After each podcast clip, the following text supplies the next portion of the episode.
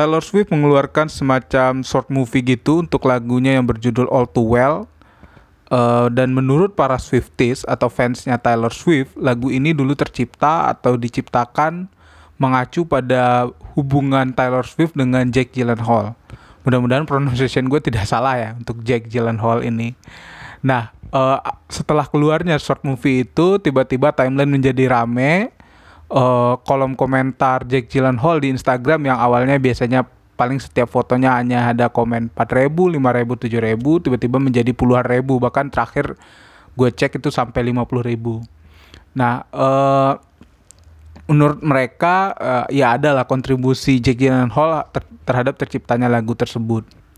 Tapi yang mau gue bahas di sini bukan masalah lagunya, bukan hubungan Taylor Swift dan Jake Gyllenhaal-nya, tapi yang mau gue bahas di sini adalah uh, bagaimana uh, emosi atau dan gue setuju ada yang bilang bahwa kayak Taylor Swift sengaja deh uh, pacaran dengan banyak orang gitu putus untuk jadi inspirasi terhadap lagu-lagunya. Dan dan ini sudah jadi rahasia umum gitu bahwa setiap kali uh, pacaran dan putus Taylor Swift akhirnya mengeluarkan album. Dan biasanya lagu-lagunya itu mengacu kepada hubungan sebelumnya gitu dan dan menurut gue sih bisa jadi karena gue setuju gitu uh, sebuah karya seni atau sebuah karya menurut gue itu salah satu cara buat merangsang untuk uh, menghasilkannya itu yaitu dari uh, perasaan atau emosi yang ekstrim gitu.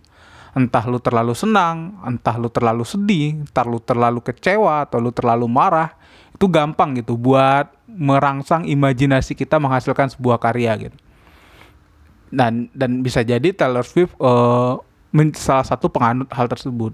Gue tidak bilang harus selalu seperti itu. Ada aja mungkin orang-orang yang ya tanpa ada hal apa-apa tiba-tiba dia dia punya daya imajinatif yang kuat, dia bisa menghasilkan karya yang bagus. Tapi gue lebih setuju begitu gitu. Karena ketika hidup gue biasa-biasa aja, wah itu susah itu untuk memikirkan sebuah karya, untuk menulis puisi atau apa itu susah.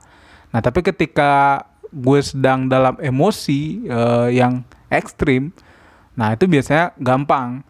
Dan oleh karena itu juga lah, kan biasanya kalian juga lihat tuh orang-orang yang lagi sedih atau lagi bahagia tuh lebih gampang untuk uh, bikin caption-caption bagus biasanya di Instagram. Nah, kayaknya itu hal dilandasi oleh hal tersebut. Kalau lu hidup lu biasa-biasa aja, biasanya caption Instagram lu kan cuman ya satu kata dua kata atau emoticon emoticon doang gitu. Nah, itu. Dan ini tidak hanya terbukti di Taylor Swift uh, dari beberapa yang kita lihat atau yang gue lihat itu juga berlaku hal yang sama. Misal uh, Max Havelaar uh, atau Multatuli mengeluarkan novelnya itu karena dia sangat kesal dengan uh, kolonialisme Belanda waktu itu. Atau Pramudia Nantatur dengan bumi manusianya itu sangat kesal dengan uh, feodalisme ataupun sistem pemerintahan kita pada saat itu. Atau misalnya kalaupun di barat itu ada Jane Austen dengan pre prejudice-nya, dia kesal dengan sistem uh, uh, sas, kasta ataupun uh, sistem sosial di Inggris pada waktu itu akhirnya dia lahirlah novel tersebut.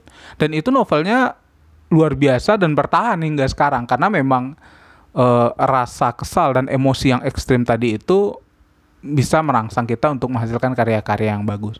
Dan bisa jadi Taylor Swift salah satu artis yang bisa dibilang sukses karena memenangkan beberapa penghargaan uh, untuk lagu-lagunya dan dia dihasil dan bisa jadi itu salah satu triknya. Jadi kalau lu wah hidup gue kayaknya nggak ada karya deh ah, coba deh lu lu uh, coba lu ciptakan situasi di mana lu bisa menghasilkan emosi yang ekstrim. Kalau untuk susah untuk bahagia banget itu susah ya cobalah untuk uh, menjadi sangat tersakiti.